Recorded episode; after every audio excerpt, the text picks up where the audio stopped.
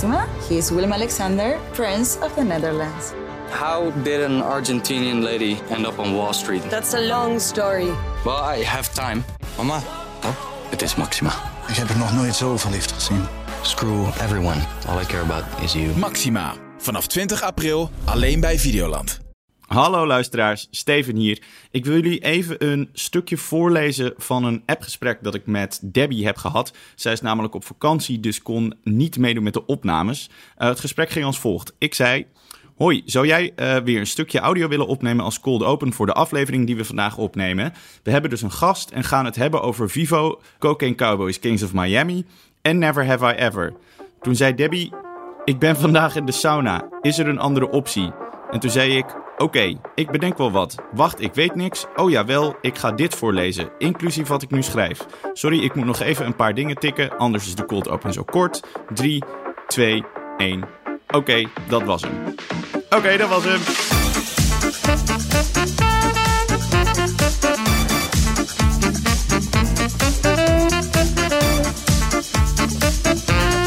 Hallo, hallo, hallo en welkom bij Bankplakkers. De podcast over alles wat er te zien is vanaf jouw bank op alle streamingdiensten. Mijn naam is Steven Kok en mijn favoriete musical nummer is The Room Where It Happens uit Hamilton. En eigenlijk elk ander nummer ook uit die musical trouwens. Oh, dan heb ik heel goed nieuws voor je, Steven. Later deze podcast. Uh, hoi, Peter. Uh, mijn naam is... hoi, Peter. Peter. Mijn hoi, naam Peter. is Peter. Mooi. Houden we erin. Mijn naam is Peter Koelewijn en ik heb ook een favoriet musical nummer. Dat is de Aladdin klassieker A Whole New World. Oh, dat is ook wel een goeie. Ja. In Bankplakkers bespreken we elke week wat er uitkomt op uh, streamingdiensten. Zodat jij precies weet wat je wil kijken als je lekker op de bank neerploft. Maar ook deze week, uh, omdat het zomer is en kennelijk Debbie onze koppen niet meer kan uitstaan, uh, moeten we het even zonder haar doen. Uh, maar niet getreurd, want we hebben een zeer geschikte kandidaat gevonden om voor haar in te vallen. Dames en heren, Nafisa Razulbaks. Woe! Woe! Woe! Dankjewel, man. Maar Nafisa is prima, hoor. Want, uh... Het is ook een beetje jouw brand, hè? Gewoon alleen je voornaam, heb ik het ja, idee. Ja, precies. Rihanna, Madonna, ja, Beyoncé, cool. Nafisa. Ja, perfect. Nice. Heb, uh, en heb, maar heb je een uh, favoriet musical nummer? Hij is al genoemd door podcast, man. Oh my ja? god. A maar whole new world. Ik, ik heb ah, wel een mooi. nuance erin, want ik vind echt dus de Nederlandse versie fantastisch. Een nieuw begin. Een nieuw Ja. begin. Ja. Oh ja, daar ben ik ook mee wereld opgegroeid. is mooi. Ja, goed. Spannend, Spannend, schitterend. schitterend, stralend. I Het love is it, een jongens. wereld. Ja, oké, waarin je. Mooi. al je zorgen snel... Oh, we gaan Ja, door? maar ik, ik, ik ken die liedjes ook allemaal in het Nederlands. Ook omdat we ze natuurlijk gewoon jong als allemaal in het Nederlands hebben gezien, neem ik aan. Zeker. Yep.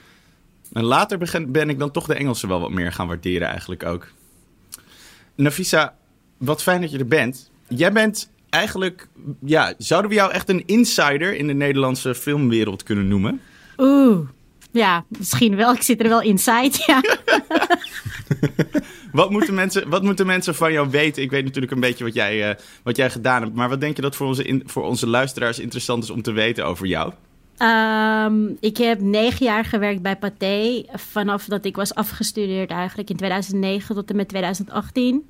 En daar heb ik eh, social media op voor opgezet. Facebook, Twitter, Instagram, YouTube. Maar het allerleukste van mijn baan was dat ik op een gegeven moment setvisits mocht doen.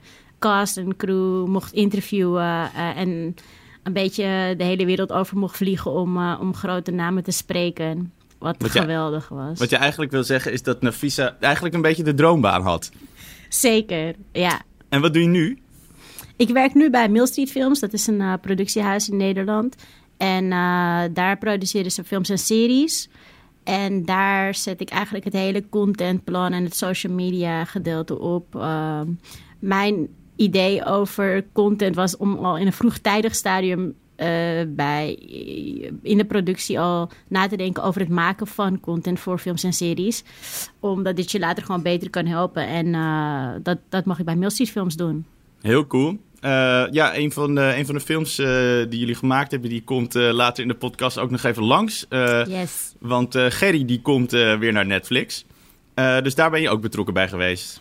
Ja, zeker. Ehm, kijk, Gerry is een, eh, is een speciaal project dat echt in een hele korte tijd is opgenomen. Dus ik heb daar niet eh, heel veel voor gedaan. Behalve één keer een, eh, een mooie shout-out met Frank Lammers opgenomen op de set. En ik was daar een half uur heen gereden en ik was met vijf minuten alweer klaar. Want Frank is zo'n freaking professional. Die, die ramde die shout-out er zo uit. En ik kon, cool. kon weer een half uurtje terugrijden naar huis. Heel cool. Nou, we gaan er eh, straks zeker nog even op terugkomen. En eh, als bankzaak gaan we vandaag eh, jou ook nog even vragen naar... Ik denk voornamelijk jouw meest awkward encounters met eh, celebrities. Ik ben daar echt extreem benieuwd naar namelijk. Ja, dat gaat wel goed komen. Nou, ik ben nu al hyped. Peter, wat heb jij deze week gekeken? Nou, je, je noemde toen net al even Hamilton, wat natuurlijk van Lin-Manuel Miranda is. En ik heb zijn nieuwste film gekeken, eh, Vivo, dat nu op Netflix staat. Leuk. En hij zit weer bomvol muziek. Dat dacht ik al. Eh Nafisa, jij, waar, waar heb jij de afgelopen weken aan gekluisterd gezeten? Ik heb het tweede seizoen gekeken van Never Have I Ever. Die was eigenlijk al uitgekomen op 15 juli, maar ik had er nu eigenlijk pas echt goed tijd voor. Ehm, het is een serie die is geschreven door onder andere Mindy Kaling, die je misschien kan kennen van The Office. Zeker. Uh, ze lijkt misschien een beetje op mij, tenminste. Oh, nee, dat is misschien een racist joke. nee, maar Mindy Kaling is voor mij echt een voorbeeld. Ze is gewoon grappig. Ze heeft goede, goede jokes in. En Ja. ook een stukje gewoon culture eh, waar ik me in kan herkennen. Ehm, dus die serie Never Have I Ever, die, dat gaat ook over een, eh, een Indiase familie in Amerika. Ehm, en een meisje vooral die haar weg moet vinden eh, op high school. En het is zo'n coming of age. En ik ben dol op coming of age. Cool. Eh, we gaan er straks nog even bij, eh, bij terugkomen. Nou, zoals ik net ook al zei voordat de opname was gestart. Ik vertelde dat je dit had gekeken. En mijn vriendin die zei, die werd ook helemaal wild. Die zei ook, "Huh, is er een tweede seizoen? Huh?" Dus die, nou, ik denk dat dit ook voor haar... ik, ze zal blij zijn dat je er bent. Yes! Ik heb haar al geïnfluenced voordat we deze aflevering hebben opgenomen. Eh, Pre-influencing noemen ze dat. En eh, ik heb eh, deze week Cocaine Cowboys Kings of Miami gekeken. De nieuwe true crime eh docu-serie, miniserie op Netflix. Ik heb hem bijna uit en eh, ik vind er een hele hoop van. Eh, dus dat eh, ga ik straks allemaal in, groot detail roepen. Het is me wel een titel hoor. Ja, Cocaine een- Cowboys. Een, een, flinke, een flinke naam vol. Ik heb Nou. alleen cocaine onthouden. Wat was de Ja. titel? Nou, de rest kan je eigenlijk vergeten. Dat is echt wel de kern. Ehm, ik ga straks nog even een magische minuut doen. Ik zal straks nog even vertellen wat dat is. Uh, Nafisa en ik gaan een filmgeluid raden in de geluidskluis. En eh nou, Nafisa, we gaan het dus met jou hebben over je raarste encounters met filmsterren in de afgelopen jaren. Maar eerst gaan we gewoon eh, zoals elke week door naar het nieuws. Peter, wat is het nieuwtje van de week? Het nieuws. Het nieuws. Ik heb een, denk ik een thema voor deze podcast, want ik heb ook een muzikaal nieuwtje. We zijn weer een stapje dichter bij Bohemian Rhapsody 2. ik zie Nafisa kijken zoals ik ook kijk. Een soort van, hè? nou oké, ik, ik kan begrijpen dat Bohemian Rhapsody 1 al eh, meer dan genoegen was. Maar eh, ja, gitarist van eh, de band Queen, Brian May, heeft nu toch onthuld dat ze weer aan het brainstormen zijn. Want ja, de, de, ze, ze, ze sloegen vorig jaar nog de deur dicht van... nee, we hebben alle goede jaren hebben we al eh, gehad eh, in Bohemian Rhapsody 1... dus er komt geen vervolg. Maar ja, die film heeft eh, ondertussen bijna een miljard dollar opgebracht. En ja, er zijn moeilijkere manieren om zoveel geld te verdienen. Maar zou het dan een prequel worden of zo? Ja, dat is het punt. Ze hebben nog eigenlijk geen flauw idee waar de film over moet gaan. Ja, maar precies, ja. wel dat die, dat die er komt. Ze hebben alleen een goed script nodig. Het is een klein beetje een spoiler, maar de eerste film die eindigde tijdens het Live Aid concert. Dus we gaan daarna nog de jaren krijgen dat Freddie Mercury uh, ja, vecht tegen AIDS. Dus verwacht in ieder geval geen feel-good film. Het zou natuurlijk ook kunnen dat het uh, moet gaan over de Queen-jaren na Freddie Mercury. Maar ja, zouden jullie dat willen zien? Wie gaat dat kijken? Ik, ja. uh, ik weet niet, alle goede nummers hebben ze al gebruikt, toch? Hij zat er zeker vol met, uh, met al hun greatest hits wel, ja. Ja. Dus, een prequel zou misschien wel tof zijn. Maar volgens ja. mij hebben we dat ook al in Bohemian Rhapsody gezien. Ja, Wat ik overigens ja. echt wel een geweldige film vond. Qua ook het geluid en concert. En... Ik heb die dus nog steeds niet gezien. Ah, oh my god. What? Ja, dit, deze reactie krijg ik vaak. Nee, maar die film had je gewoon echt in de, in de bios moeten kijken met dik geluid. Tenzij je thuis een hele amazing setup hebt staan. Nee, nee, niet, nee wel een grote tv, maar mijn geluidssetup die laat wel wat te wensen over. Ja, het is een beetje net als, als de Queen muziek zelf. Hè? Je, je moet dat gewoon met een grote groep mensen eh, ervaren, als het ware. Maar het wordt Oké. dus een feel-bad film. Feel bad, ja. Waarschijnlijk, ja. Je, het begint met Freddie Mercury die heel ziek is en aan het eind is hij dood. En dan, nou ja, at the end, Ja, dan. roll credits. Tja. Ik weet ben, het niet. Ja, ik weet het ook niet. Ik ben, eh, ik ben sceptisch, maar goed. We gaan het zien. Of een remixfilm. Een remixfilm. Dat ze alle nummers door andere artiesten laten uitvoeren. Ja, Queen, Maar dat- Ze hebben een paar hele goede Queen remixes gemaakt. Dus het zou wel on-brand zijn. Ja, Brian May Belma. Dan zou ik zeggen, maak er dan gewoon een musical van. Lin-Manuel Miranda komt Yeah! weer gewoon. Yes. hè? He's bringing it back. is He's daar. bringing it back. Match made in heaven. Eh, Oké, nou, interesting. We gaan naar eh, de magische minuut. Elke, elke week, of bijna elke week, heeft er iemand de tijd om een minuut lang eh, eigenlijk gewoon te ranten over iets wat ze te gek vinden. En dat hoeft dus niet nieuw te zijn. En deze keer mag ik weer eens los. Peter, heb jij de klok des doods eh, klaar? Nou, hij loopt al. Oh, oh. Nee, nee. Nee, Nee, hoor, oké. ik, ik sta klaar. Oké. Eh, drie, twee, één. Ik wil het hebben over Mare of Easttown van HBO. Dat is nu te zien op eh, Ziggo. En in Mare of Easttown speelt Kate Winslet een soort eh, bikkelharde en een nogal verbitterde politiedetective in het kleine plaatsje Easttown. En iedereen die kent elkaar daar of die is familie, wat het super schokkend maakt als er dan opeens een meisje heel gruwelijk vermoord wordt. En dan volgt er dus een zoektocht naar die moordenaar. En het wordt echt geniaal uitgewerkt. Het sfeertje doet denken aan eh, True Detective. Het is allemaal twists en turns in het verhaal. En een web van personages dat ook allemaal kent. En allemaal complexe relaties heeft met elkaar. En het is loeispannend, super verslavend. En eh, het heeft heel veel persoonlijk drama ook erin. Dus het is echt een, ja, het is echt een detective-serie van de allerbovenste plank. En als je ook maar iets met het genre hebt, of zoals ik eigenlijk niet eens zoveel, dan eh, is het echt een must-see. Eh, Kate Winslet die speelt de rol perfect. En als je zin hebt om even helemaal in een soort donker mysterie opgezogen te worden, dan is Mare of absoluut een serie die je de komende week moet gaan kijken. En stop. Wauw. Oh, die timing hè! Ik bedoel, seks, seks is leuk, maar dit. Jouw woorden. Oké. Dat dit precies in een minuut kan. Mm. Maar dit, eh, dit, ja, dit, dit klinkt wel als iets dat ik eh, in de gaten moet gaan houden. Ja, we hebben, het, we hebben het al eens eerder over gehad in de podcast natuurlijk. En het is ook een afgeronde miniserie. Ken Oh, je jij mag er niks meer over zeggen, hè? Verder. Oh, wacht even. Ja. Heb jij het al eh, gekeken naar Visa?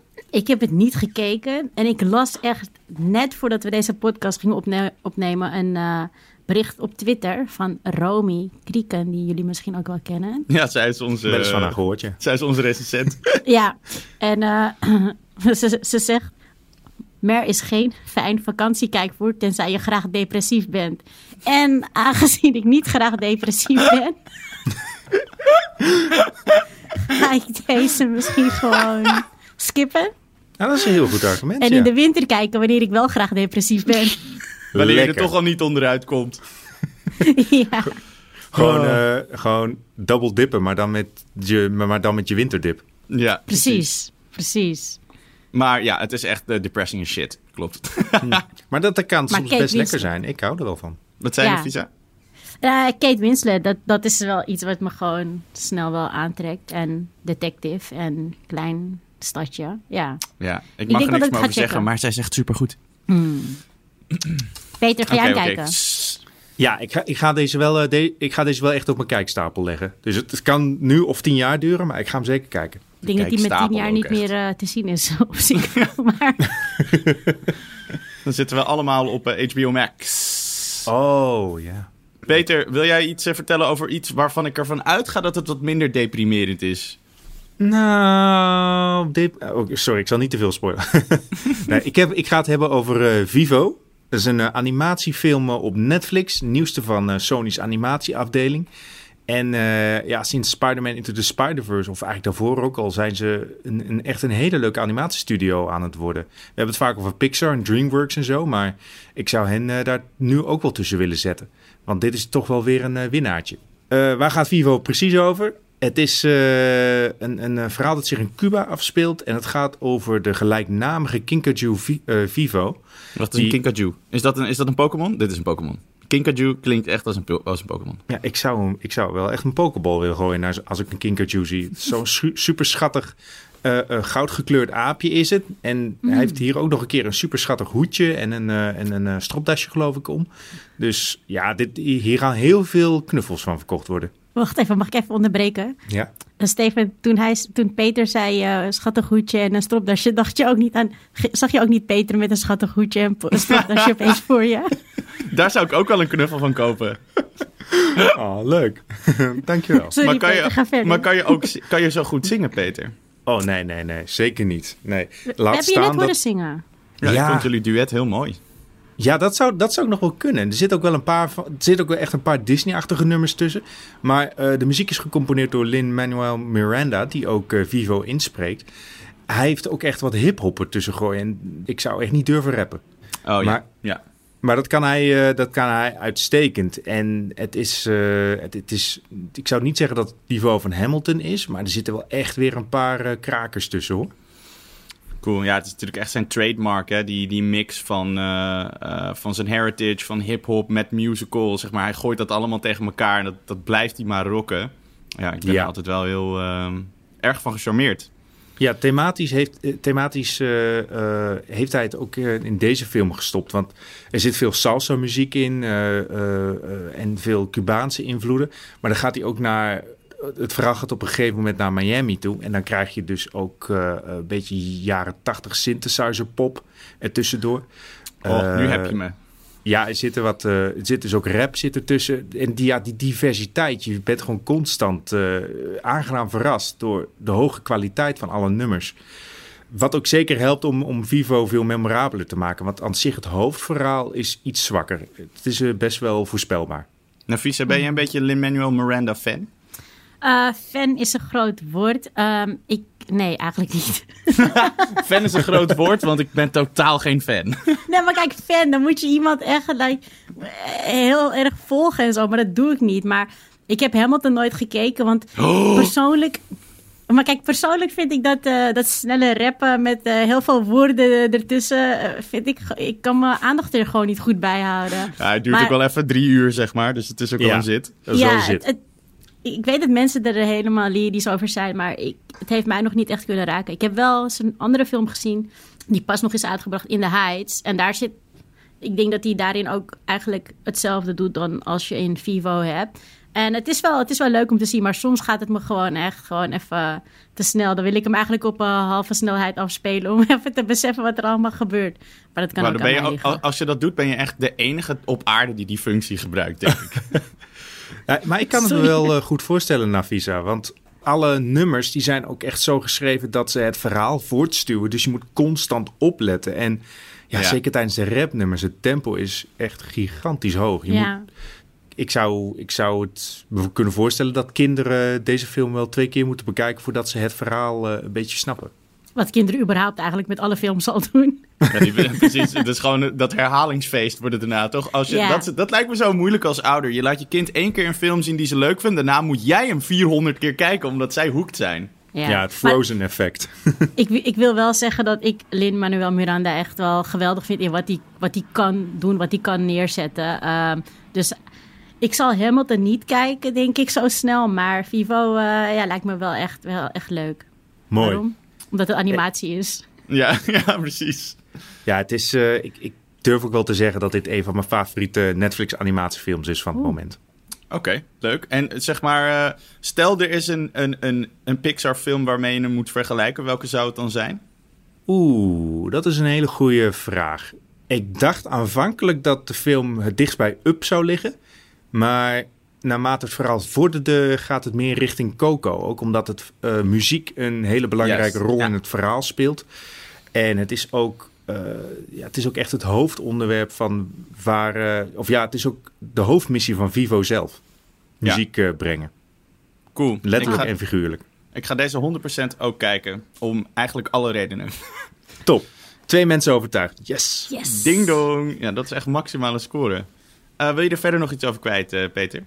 Ja, als iemand weet waar je een Vivo-knuffel kan kopen, eh, let me know. Nou, ik zat dus net even te googlen, maar zo'n Kinkajou die ziet er dus in het echt niet super schattig uit. Want als die boos zijn, dan lijken ze echt op een soort Tasmaanse duivel, zeg maar. Ze zijn, Ja. Volgens mij kunnen ze echt best wel nasty zijn. En ze hebben, en ze hebben een hele lange enge tong. Oh my god, ze hebben zo'n lange tong. Huh? Dat zit dus Ik niet in de zien. film. Dat hebben ze eruit gehaald. Die tong is net zo lang als zijn hele hoofd. Kijk, iedereen thuis, google even Kinkajou. Het is echt crazy. Ja. K-I-N-K-A-J-O-U. Hij lijkt nog steeds op een Pokémon, dat wel. Cool. Nou, op deze, met deze beelden sluiten we af. Heb jij, heb, je- heb jij het ge- gevonden, Nafisa? ja, ik, zit, ik heb tong er even achter geschreven. Wat de hel? Waar is die tong goed voor? Waarom heb jij dit nodig? Maar ik vind ze wel schattig. Ja. Oh, dit, dit lijkt bijna Simba hier. oh. Simba met een super lange tong. Oké, Alleen weird. wat de Oh, mental images die ik hierbij nu krijg. Oké. Cool. Eh, misschien moeten we een eh Kinkajou Appreciation podcast beginnen. Eh, Oké, we gaan gewoon door. Nafisa, eh, wat heb jij gekeken de laatste weken? Eh, allemaal of alleen die ene film die ik heb, of die ene serie die ik heb uitgekozen? Ja, doe maar die ene. Laten we daarmee beginnen. Ja. Um, Never Have I Ever. Never Have I Ever is een coming-of-age serie. Het gaat dus over een Indiase familie die in Amerika woont. Eh, de ouders die zijn daar voor hun studie heen gegaan, hebben elkaar daar ontmoet en hebben een kind gekregen. Het meisje heet Devi, is 16 jaar. En ik mag geen spoilers geven. Er gebeurt iets heftigs in haar leven. ja. En haar eerste jaar op high school is gewoon, is ze gewoon, gaat heel slecht. Dus in het tweede jaar besluit ze van, ik moet mijn leven beter maken. Ik wil populair worden. Ik wil gewoon een fantastisch schooljaar hebben. En ehm, daar doet ze bepaalde dingen voor. Eh, nou ja, ze Ja, lekker abstract met- wordt het ze, zo, ze hè? wil seks met het meest populaire jongen van school. I mean, Juist, echt. juist. Snap je? En eh, ja, daar gaat ze voor. En het leuke eigenlijk van deze serie is ten eerste dat het voor mij als eh, iemand met Indian heritage leuk was om gewoon die familie op het scherm te zien. Hoe ze met elkaar omgaan. Dat het super herkenbaar was. Maar ook eh, een, een, een 16-jarige, weet je, met al haar foute beslissingen en al haar gekke awkwardness eh, die daarbij komt kijken. Dat, dat voelde, dat komt gewoon heel herkenbaar over. Ja, ik, ik was gelijk gewoon verzot op die serie. Het staat op Netflix, toch? Het staat op Netflix inderdaad. Ja. twee seizoenen. Eh, het eerste seizoen is in 20, 2020 uitgekomen en nu al Ja. in 2021 het tweede seizoen. Dus Is het, eh, ik neem aan dat het een soort van romantische comedy is, toch?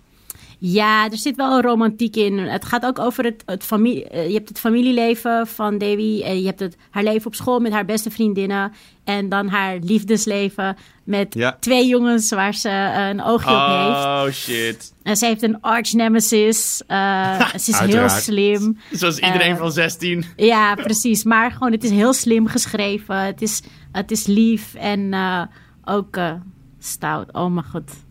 Het is stout. Ja, ja. ja gewoon voorbeelden? eh, een beetje sexy. Ja, Ah. ja, precies. Maar is het, is het, ehm, is het young adult of is het wel, wel wat volwassener dan dat? Nee, het is wel echt young adult. Ja, precies. Ja, En is dat, is dat sowieso een genre waar, waar jij heel lekker op gaat? Ja zeker, zeker. Ik, ik geniet daar denk ik ook het meeste van. En ook al ben ik 37, ehm, ik denk als ik alleen nog maar coming-of-age films zou mogen kijken, zou ik daar gewoon helemaal oké en helemaal cool mee zijn. Ja, ik, vind cool. dat, ja, ik vind dat gewoon echt heerlijk om, om, weg, om weg te kijken. En vaak is het ook gewoon wel herkenbaar. Vooral op een middelbare school. Eh, deze, deze serie is trouwens dus onder andere... Door, het is door twee mensen geschreven, maar onder andere door Minnie Kaling van The Office. Die, eh, en het is ook losjes gebaseerd op haar echte leven. Oh, echt? op Oh, haar middelbare schooltijd eh, Ja. in Boston. Oh, wat grappig. Ja. Wat Het leuk. zijn toch wel de, de beste comic-of-age verhalen zijn toch vaak wel de eigen ervaringen van de schrijver of schrijfster. Ja, maar dan moet je het ook maar net even goed, eh, goed, goed, goed neer kunnen zetten of zo, weet je. En dat Oh, heeft, zeker. eh, dat heeft dit, dit zeker wel. Ik heb, ik heb de, de Office heb ik eh, eh, dus nooit gezien, sorry. Maar Minnie Kaling ken ik wel echt van, van andere comedies. En ik, ik vind haar wel altijd ontzettend leuk. Dus Ja. dit, dit is wel echt een pluspunt voor mij. Zij is zo grappig. Ja. Maar ik heb, ja, ze, ze, ze treedt ook een beetje soort van in de voetsporen van eh, mensen als Tina Fey en Amy Poehler en zo, weet je wel. Die, die ook Ja. echt een soort van comedy-imperium Ja. hebben gebouwd. Wat ik echt eh, heel cool vind. Hey, ik wil nog, nog even vragen, Nafisa. Je zei eh, dat, dat het voor jou heel tof was om zeg maar, met jouw achtergrond eh, mensen te zien die, die ook uit die, uit die heritage komen. Eh, is dat iets wat, wat, wat jou eigenlijk veel te weinig overkomt? Ja, definitely. Want ik ben echt opgegroeid met alleen maar witte personages. Waar ik, kijk, waar ik me ook wel aan kon relateren. Maar het mooie hiervan is dat bijvoorbeeld kleine gebruiken in het huis. Of in het huishouden bijvoorbeeld. eh, Ja. Die je ziet, die je dan gewoon gelijk herkent. Wat ik bijvoorbeeld nooit snap in, in, in films van Netflix of, nou ja, gewoon, of series. Is dat mensen met schoenen op hun bed eh, kruipen. Snap je? Dat is gewoon een no-go. In mijn huishouden moet je gewoon je schoenen uittrekken in de hal. Ik snap dat dat, dat is gewoon anders, snap je? En dat zag ik bij deze, ja, dat gebeurt hier gewoon wel gewoon. Dat je al die gebruiken en dat is dan gewoon, dan denk je van yes, weet je, dit, dit is hoe het hoort voor mij. Ja, cool. Ja, dat snap ik. Zeg de kleine details, ja. Het zijn de kleine details, ja. Ik zit nu even na te denken. Mijn schoenen staan niet bij de deur, maar ik heb ze nu niet aan. Dus Ja. ik denk dat ik er ergens tussenin hang. Maar eerlijk, zitten jullie wel eens met je schoenen op je eigen bed? Nee, echt nooit. Nee. Dit, dat is er bij mij ook echt uitgeslagen. Gewoon Ja. de Slagen schoenen. ook. Oh, zeker. Absoluut. Ook niet op de bank. Nee. Ja, Ja, nou, maar had- hadden ze bij jou echt zo de hele, de hele bank zo in plastic folie gewrapt, zeg maar? Dat je er, dat omdat het niet vies mocht worden. Nou ja, ik, ik, het plastic werd dan over mij heen gelegd. Zo van, je je mag niet meer bewegen. Anders dan verspreid je de ba- bacterie. Peter is vies. Ja. Maar een dikke aanrader van jou dus, eh Nafisa. Ja, zeker. Je gaat echt lachen. En eh, nog een leuke pluspunt ervan is dat de voice-over van de serie wordt ingesproken door John McEnroe, de tennisser. Ehm, maar dat, je moet de serie daarvoor gewoon gaan kijken om te snappen waarom hij die voice-over is. Waarom hij de voice-over is van een Ik 16 weet jaar. helemaal niet wie dit is. Hij tennist. Hij, hij was tennisser vroeger. Ik, ik doe het ook nog voor in het scherm. Maar ik vind het zo... Oh, dat is tennis, ja. Oh, Ja. tennis. Maar dit, dit intrigeert me wel. Nu wil ik het wel weten. Ja. Interesting. En eh, moet je seizoen 1 hebben gekeken of kan je ook gewoon meteen bij seizoen 2 beginnen als je wil? Nee, dat is raar toch? Dat is, net, dat, dat is gek. Gewoon seizoen 1 kijken, 10 afleveringen, je bent er zo doorheen. Het zijn volgens mij 25 minuten per aflevering. Doorpakken. Doorpakken, bingen. Oké. Ik, zal, ik ga dit waarschijnlijk gewoon eh, met mijn vriendin kijken. Ja, Ja, ik ben wel overtuigd. Dit ga ik wel I, kijken. I will report back to you. Thanks. Oké, dan. ehm, eh, ik heb ook nog iets gekeken deze week. En dat was eh, Cocaine Cowboys. Kings of Miami. Eh, weer de zoveelste, miljoenste, miljardste true crime serie van Netflix. En eh, deze keer, ja, het is een soort vervolg op de film eh, Cocaine Cowboys. Eh, en deze keer is het een miniserie van zes afleveringen. Eh, en ik ben gekomen tot halverwege de laatste aflevering. En eh, toen had ik geen tijd meer, dus ik ben er bijna. En we hebben het natuurlijk in de podcast best wel vaak over eh, true crime series van Netflix. En ook hoe wisselend die kwaliteit is. En er zaten een paar hele goede bij, zoals eh, Don't Fuck With Cats en eh, Sophie Murder in West Cork. Maar er zitten ook best wel een paar glijers tussen, zoals ehm, Why Did You Kill Me bijvoorbeeld. Waar eigenlijk gewoon veel te weinig inhoud in zat om, om, om, om de hoeveelheid content die ze ervan maakten goed te praten. Dus ik was daardoor in eerste instantie niet heel erg enthousiast over eh, hoe goed deze serie zou zijn. Maar de tering, wat zat ik ernaast? het, eh, ik heb ook de originele film niet gezien, dus dat was misschien mijn fout. Maar het is echt mega interessant. Het gaat dus over twee eh, drug kingpins, eh Selma Glute en Willie Falcone. En zij zijn dus het duo dat in Miami, eh, dat, dat van Miami de cocaine capital van de VS heeft gemaakt in de jaren 80. En waren En- ze al cowboys van tevoren deden ze dat erna? Ja, ze kwamen op hun paard de stad inrijden. Yes. Maar ik overdrijf dus echt niet. Want dit zijn dus gasten die meer dan 2 miljard dollar aan coke het land hebben ingesmokkeld. Jemig. En eh, met dat soort bedragen kom je natuurlijk in een schaal van criminaliteit terecht die gigantisch is. En eh, daardoor is ook de inhoud van de miniserie, zes afleveringen dus, die is echt wel goed te praten. Want er is zoveel gebeurd. Eh, en wat ze dus is gelukt, is om heel veel van die voormalige smokkelaars, maar ook gewoon drug kingpins en zo, en andere gere- gerehabiliteerde criminelen en zo, om die allemaal voor de camera te krijgen. En die geven gewoon allemaal interviews. Dus je, hebt het, dus je ziet letterlijk die gasten vertellen over hoe die aan de kook in een heel klein vliegtuigje van Colombia naar de VS vlogen en zo. Super crazy. En dat maakt het super boeiend en ook heel onwerkelijk. En ik dacht ook de hele tijd van... Hoe kan het dat jij hier gewoon dit verhaal zit te vertellen? Waarom zit jij niet ergens weggestopt in een gevangenis? Het, ja, het is ook best wel een atypisch verhaal. Want die twee, die Willy en Sal, dat zijn, die zijn dus helemaal niet begonnen in een soort crimineel netwerk. Maar die zijn langzaam daar zelf ingegroeid. En die waren eigenlijk eerst hele geweldloze jongens. Maar langzaam naarmate hun, hè, hun, hun, hun imperium groeide, gleden ze steeds verder die criminaliteit in. En op het moment dat dan de rechtszaken tegen hen beginnen, dan wordt het echt helemaal gestoord. Er kan echt, sommige dingen die je hier hoort, kan je echt niet geloven dat dat daadwerkelijk gebeurd is. Want wat Dus- zoals, Noem eens één zoals ding. ik het... Ehm, ja, dat, het zijn allemaal een beetje spoilers natuurlijk. Maar laten we in ieder geval zeggen dat ze heel veel omkoperij hebben gedaan rondom een rechtszaak waar zij in zaten. En dat is, nou, als je dat verhaal hoort, dat is niet normaal. Dat is, was een van de, zeg maar, grootste high-profile drug cases ooit. En die hebben ze gewoon afgekocht. Nou, het is crazy. Het is echt crazy. Het is echt, zeg maar, Godfather-niveau criminaliteit. En eh, het, het, ik, ja, Het zijn echt de anekdotes, als ik het begrijp, die, die, die deze docu maken. Ja, de anekdotes, maar ook gewoon de, de schaal van, de, van, van, het, van, de, van die organisatie. En überhaupt dat dit ooit heeft kunnen gebeuren. Het is eh, echt onwerkelijk groot of zo. Het is echt de moeite waard.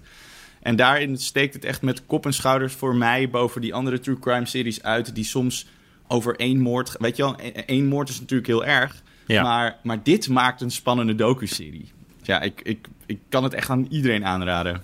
Het, is, het begint wel echt een van de sterkste genres te worden, true crime. Ja, maar soms ook helemaal niet. Want Ja. soms is het ook garbage. Dus het, het, het is een beetje erop of eronder. Dus gewoon Eh, maar- bankplakkers blijven luisteren om te weten welke true crimes je... Dit is een goede plug. Ja, Subtiel ook. ja heel smooth. Dus ja, ik, ik heb er verder niks over te zeggen. Ik ben hier echt eh, mega enthousiast over. Lekker. Ik ga hem kijken. Lekker. Komen nog wat dingen uit eh, deze week. Op Netflix komen er drie dingen uit die ik even wilde noemen. Allemaal op 13 augustus. Eh, eerst Gone for Good. eh Franse serie gebaseerd op het boek van Harlan Coben. Moet ik, of Cohen. Er staat zo'n streepje onder. Wat is voor letter is dit? Wat heb ik vandaag? Dat is een B. Harlan Coben. Waarin eh, de vriendin van de dertiger Guillaume eh, spoorloos verdwijnt. En dan eh, gaat hij haar natuurlijk zoeken. En komt hij erachter dat ze niet was wie ze zei dat ze was. En raakt hij soort van verstrikt in een duister web. Ik durf nog niet helemaal te zeggen of het goed wordt. Maar wat ik wel heel leuk vind is dat Netflix echt heel duidelijk op Europese content aan het inzetten is. Dat moet natuurlijk ook, maar toch is het leuk om te zien. Klinkt een beetje als Gone Girl. Ja, ja, zo voelde het voor mij ook wel een beetje. En eh, laatst die ene, die ene serie Behind Her Eyes, dat gevoel kreeg ik er ook wel een klein beetje van. Eh, Minus dan het, het paranormale randje. Eh, ook op 13 augustus komt Beckett, nieuwe actiedrama met John David Washington erin. Die je dus kunt kennen als de hoofdrolspeler van Tenet. En hij komt terecht in een auto-ongeluk en gaat dan naar de politie. Maar die willen niet horen wat hij te zeggen heeft en beginnen eigenlijk meteen hem op te jagen. Ik ben ook wel gewoon benieuwd naar hem, eigenlijk. En hoe hij, Ja, eh, hoe hij, dit, eh, hoe hij dit doet. En dan, 13 augustus, Harry in huis. Harry! Hey, Hey, Gerry. eh, Gerry. Sorry. Ja, dus het vervolg van eh, Groeten van Gerry. eh, waarin eh, Gerry, dus gespeeld door Frank Lammers, bedenkt dat hij met zijn zwangere vriendin een reality show moet gaan opnemen van zichzelf. Zeg je het zo goed? Ja, voor de monies, hè. Hij moet eh doekoe hebben om, zijn, eh, om een huisje te kopen. Dus eh, hij heeft het een beetje verknald door in een bungalow te gaan zitten en zijn eigen vleetje te verkopen. En nu eh, is ze ook nog zwanger. Dus zwanger en in een bungalowhuisje. En Gary heeft het moeilijk. En Ja. eh, er komt nog een derde, toch? Nee. Wa- Is, Oh, dit vragen even. naar een... eh, nee, ja, een nieuwtje. Nee, nee, ik heb die scoop niet voor je, man. Nee. kijk, kijk, Frank heeft deze film gemaakt. eh, heel, de, eerste, de eerste film heel snel. In de tijd van corona. Heel snel geschreven, heel snel gedraaid en heel snel uitgebracht. En eh, een jaar later was het nog steeds corona. Dus hij heeft ook weer heel snel geschreven. Gewoon, gewoon even film maken. Ja, precies. gewoon even. het is echt ook heel knap hoe dat, hoe dat zo Ja, toch echt. kan.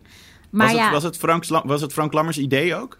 Ja, zeker. zeker. Om, hij, hij belde mijn, eh, of de, de, de baas van uh, Milsheet Films, eh, Rachel, belde hij op. Zo van, eh, ik wil een vervolg maken. En eh, toen is hij aan de slag gegaan.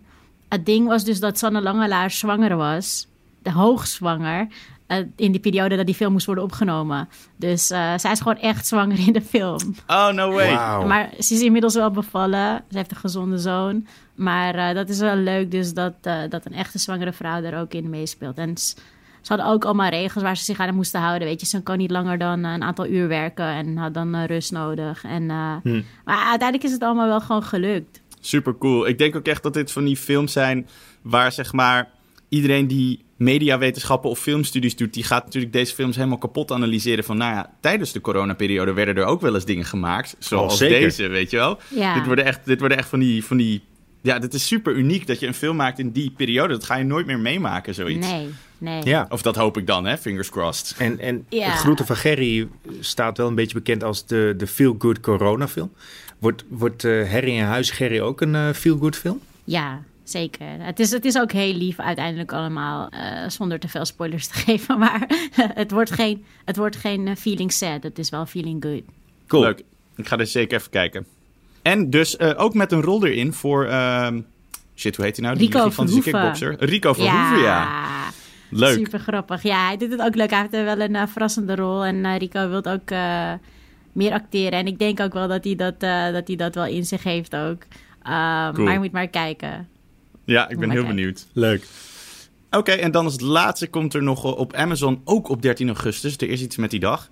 Ja, 13 augustus komt Modern Love seizoen 2. Tweede deel van deze romcom-serie, eh, waarin eigenlijk elke aflevering een apart verhaal vertelt. En ehm, vorige seizoen hadden ze onder andere Anna Kendrick eh, gestrikt. En deze keer hebben ze weer een best wel indrukwekkend blik eh, acteurs opengetrokken. Met onder andere Kit Harington, die we kennen als eh, Jon Snow uit eh, Game of Thrones. Ehm, ik, heb het nog, ik heb seizoen 1 niet gezien, maar ik ben wel benieuwd of dit iets is. Want ik hou op zich wel van die losse afleveringen, een beetje die Black Mirror-achtige zeg maar, structuurtjes. Ja. Dus ik ben er wel benieuwd naar. Dus een dystopische, romantische serie? Nee, nee, nee, dit is gewoon gezellig. Ah, gelukkig. Modern Love. het klinkt als, eh, als Love. Easy. Kennen jullie Easy op Netflix? Nee. Wel van gehoord. Ja, het gaat ook, is, is eigenlijk precies dezelfde omschrijving wat je net gaf. Maar dan Oh, met ja. andere acteurs. Ja, eh, Maar eh, het was Amazon wel probeert lekker- er een beetje bij te spijkeren. Een lekker, lekkere wegkijken, ja. Het is tijd voor de geluidskluis, Peter. Mhm. Oeh. Oh, nou, Visa, we hebben, hier, we hebben hier altijd een rare traditietje. Ja, sorry, leg jij het maar uit, Peter. Ja, ik, ik kan, de geluidskluis is zo immens, ik kan hem niet in mijn eentje open krijgen. Dus ik heb jullie hulp nodig. Zou je me willen meehelpen? Ja hoor, Oké. wat moet ik doen? Hij, kra hij kraakt, Kraken, wel, heel hard hij kraakt wel een beetje, want ik heb geen olie hier, dus ik kan hem niet, eh, de Oh scharnieren mijn god, niet ik bij voel me echt vier jaar nu. Let's go. Oké, ik weet niet wat ik moet doen, maar ik ben klaar.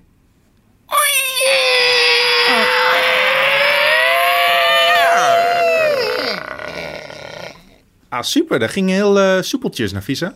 Ja, Als ik wist niet wat ik, dit, ik wist niet wat Dat ik is moest gewoon- doen, maar let's go. als dit een indicatie is, dan gaan we nu winnen. Lekker. Ik Goed, ik ga, het, ik, ga het, ik ga de rest even wat beter uitleggen. Oké. Eh, de, stand voor, de stand is momenteel 6-4 voor jullie. En eh, ik ga, eh, zoals iedere week, jullie een iconisch geluid laten horen uit een film of een serie. En jullie moeten dan de titel raden. Oké. Eh, als het te lang duurt, dan geef ik tussendoor even een hintje. Maar als jullie het daarna nog niet weten of een fout antwoord geven, dan hou ik de punt lekker voor mezelf. Kunnen we het uitzoeken. Oké, hier komt ie. Joe. Ja, deze week. Kijk, nog een keer. Ik weet Ik deze. weet deze echt niet. Ik dacht dat you er ook bij hoorde. Zei iemand you? Nee, dat was ik. Oh. Dat was ik. you. Oké. Oké, Waar, waar, waar, waar, waar lijkt het op? Eh, op een pinguïn. Interesting. Ja, dit is, dit is van de VPRO. Toch? Is, is het van de VPRO? Eh, daar keek ik het vroeger geloof ik altijd. Dit is eh Pingu. Noet noet. Die, ping, die pinguïn, die stop-motion pinguïn van Klei... die altijd ruzie ik- heeft met zijn zusje. Ja. Peter zweet. Ja, ja. Dat is, dat is, dat is jullie antwoord? Nou, wacht even. Nafisa, heb jij, heb jij een andere suggestie? Nee, want het klonk... Het, maar het klonk niet als noet noet. Het klonk Oké, als... nee, ja. Oké, we doen het nog een keer. We doen het nog een keer. Oké. Ja, dit, Ja, dit is zo. Ja. ja. ja. Ja, ik ga het ook niet, eh, ik ga het ook niet uitrekken. Jullie hebben helemaal gelijk. Dit is eh, Pingu, de pinguïn.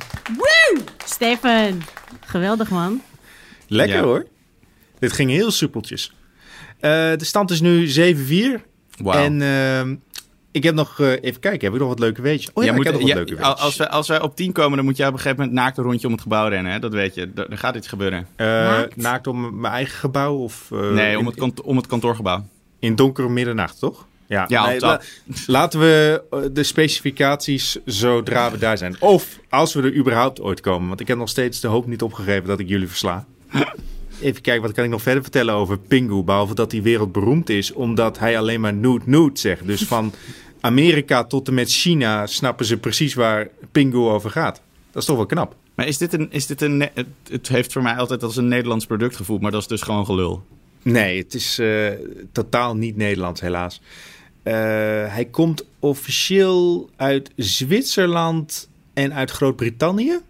En er is ook nog een Japanse reboot. Dus ja, Pingu is gewoon van ons allemaal. Cute. En de stemacteur die Noot Noot zegt is trouwens Italiaans. Ik dacht, dat voeg ik er nog even aan toe. Wow, het is zo'n multiculti Zo melting pot. international. Ja. Ja, voor, voor één pinguïn.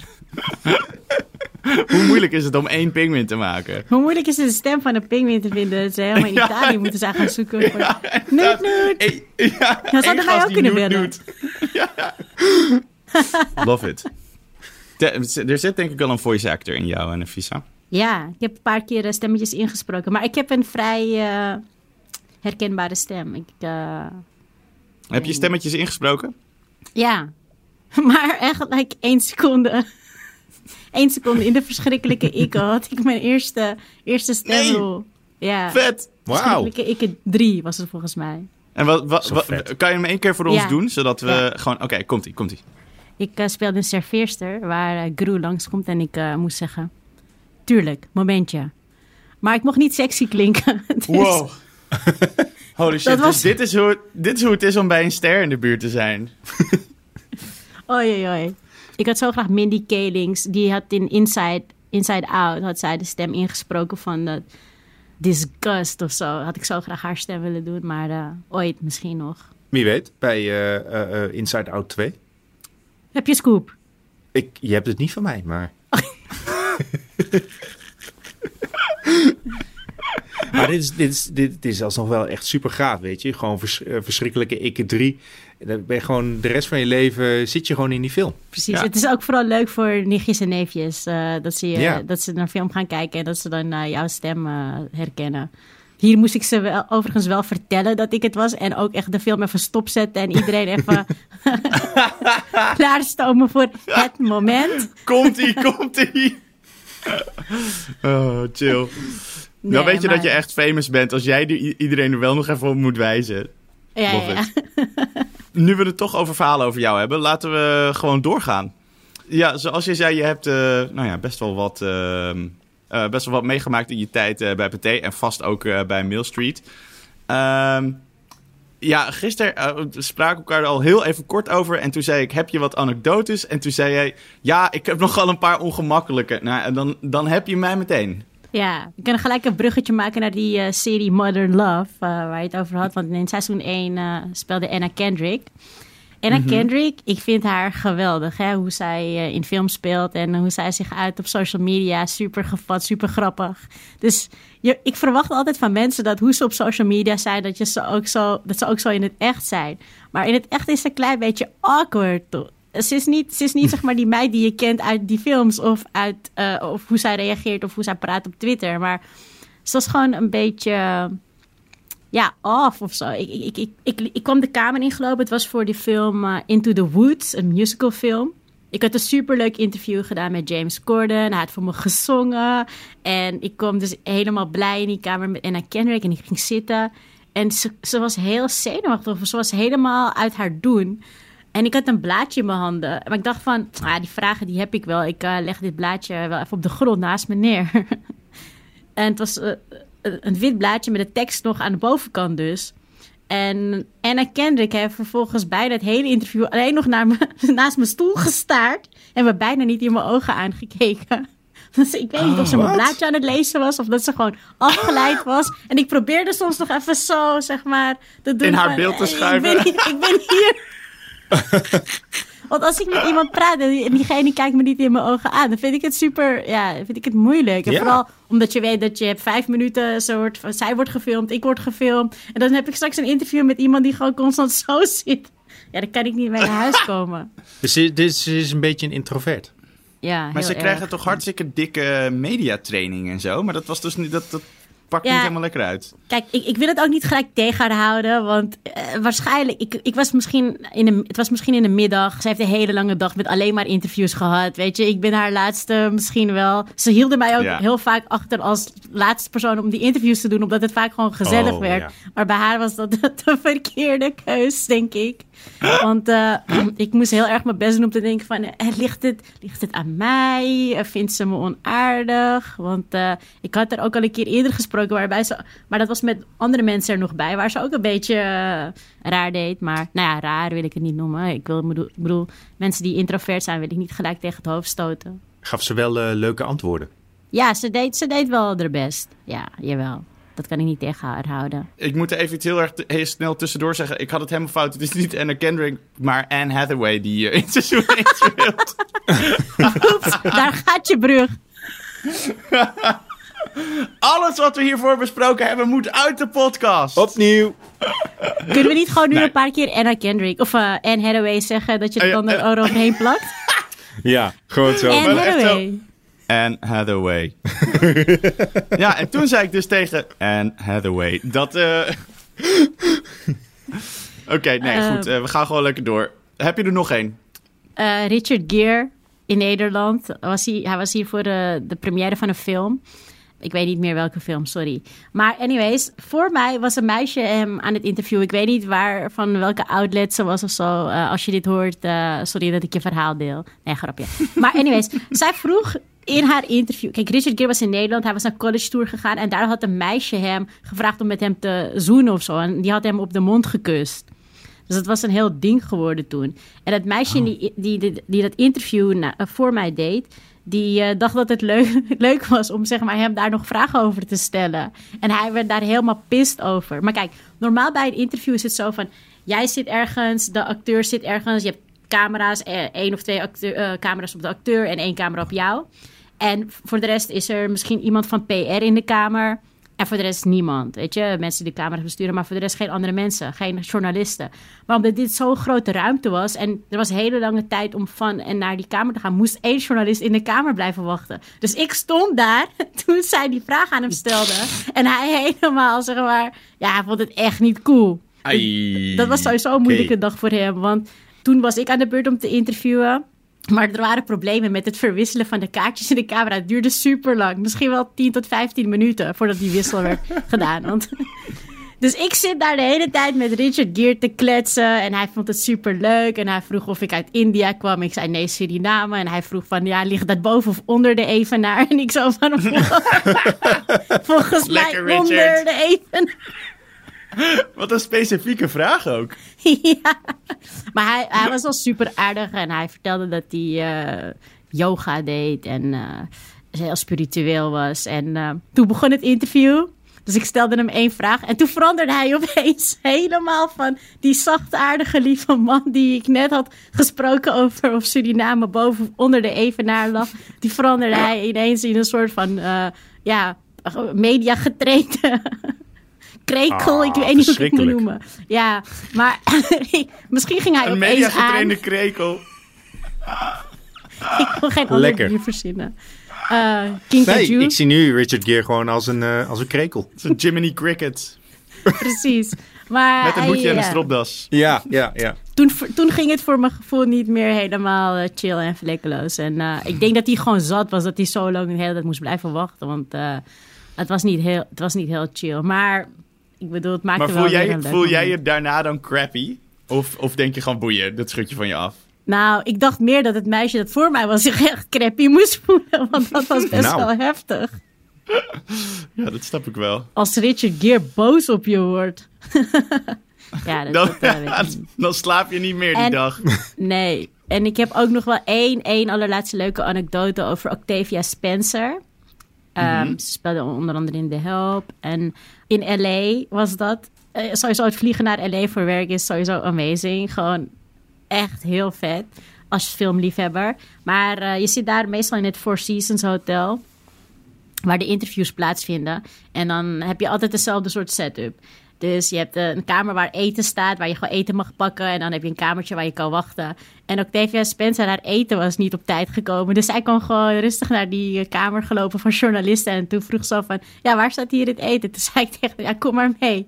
Heb ik samen met haar even bordjes opgeschept en meegenomen, cool. zodat zij kon eten. Ja, super lief. En gewoon nog een beetje met haar keten daar. Ja, dat, dat zijn gewoon Ah, momenten leuk. die ik never, never, never vergeet. Snap ik, ja. Ja, ik ben één keer naar LA gevlogen voor ehm Doolittle... om daar eh, eh, Robert Downey Jr. te interviewen. En Ah, ja. ja. ja, dat was, eh, nou ja, is een beetje... Dus denk voor een andere aflevering, maar dat was ook wel... Dat was echt ook heel eh, super spannend. En ook inderdaad wat jij zegt, dat is echt iets wat je niet, wat je niet snel vergeet. Zeker, nou, dit kan ik er nog wel vertellen. Hij vertelde me toen dat hij naar een Nederlands restaurant was geweest. En dat hij daar een ober had. En die ober die was super, eh, die was zeg maar... eh, oh nee, sorry. Hij was in Amsterdam was hij uit eten gegaan, sorry. Ja. En eh, daar had hij een ober. En die, was heel, die was gewoon onbeleefd. Maar gewoon zeg maar een beetje Nederlands onbeleefd. En dat vonden ze eigenlijk allemaal wel grappig. En toen helemaal aan het einde van de avond vroegen ze aan die ober hoe hij heette. En die zei dat hij Rude heette. Wat ze natuurlijk super ge- geniaal vonden. Omdat hun Rude waiter Rude heette.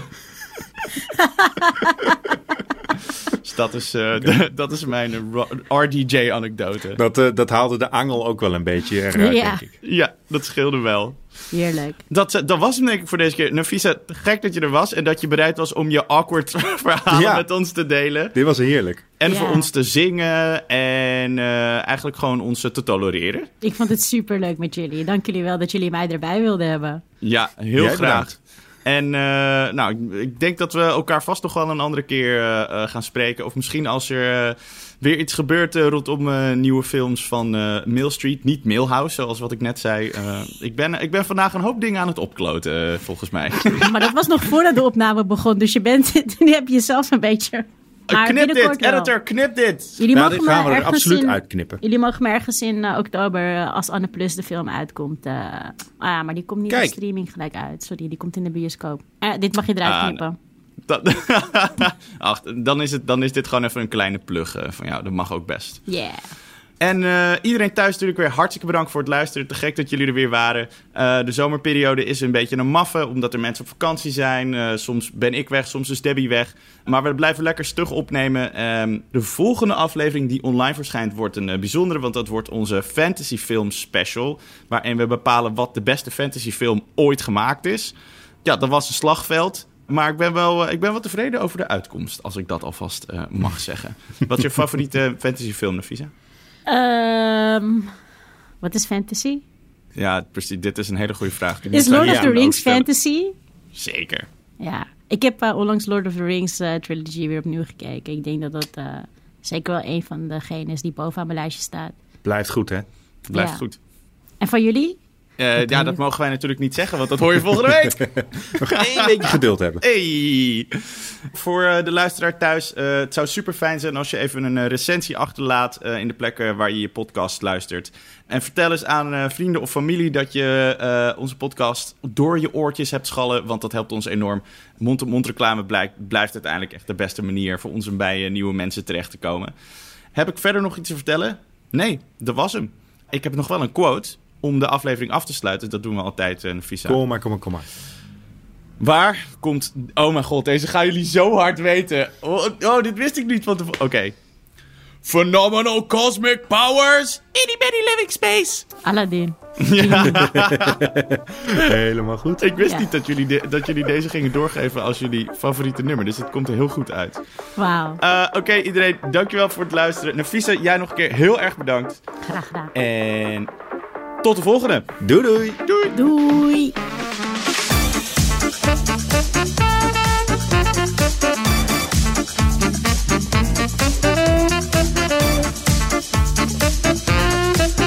Bankpakkers is een originele podcast van Veronica Superguide. Mijn naam is Steven Kok en mijn gasten zijn elke week Debbie Nobel en Peter Koelewijn. En onze editing wordt gedaan door Art Kok. Bedankt voor het luisteren en tot de volgende!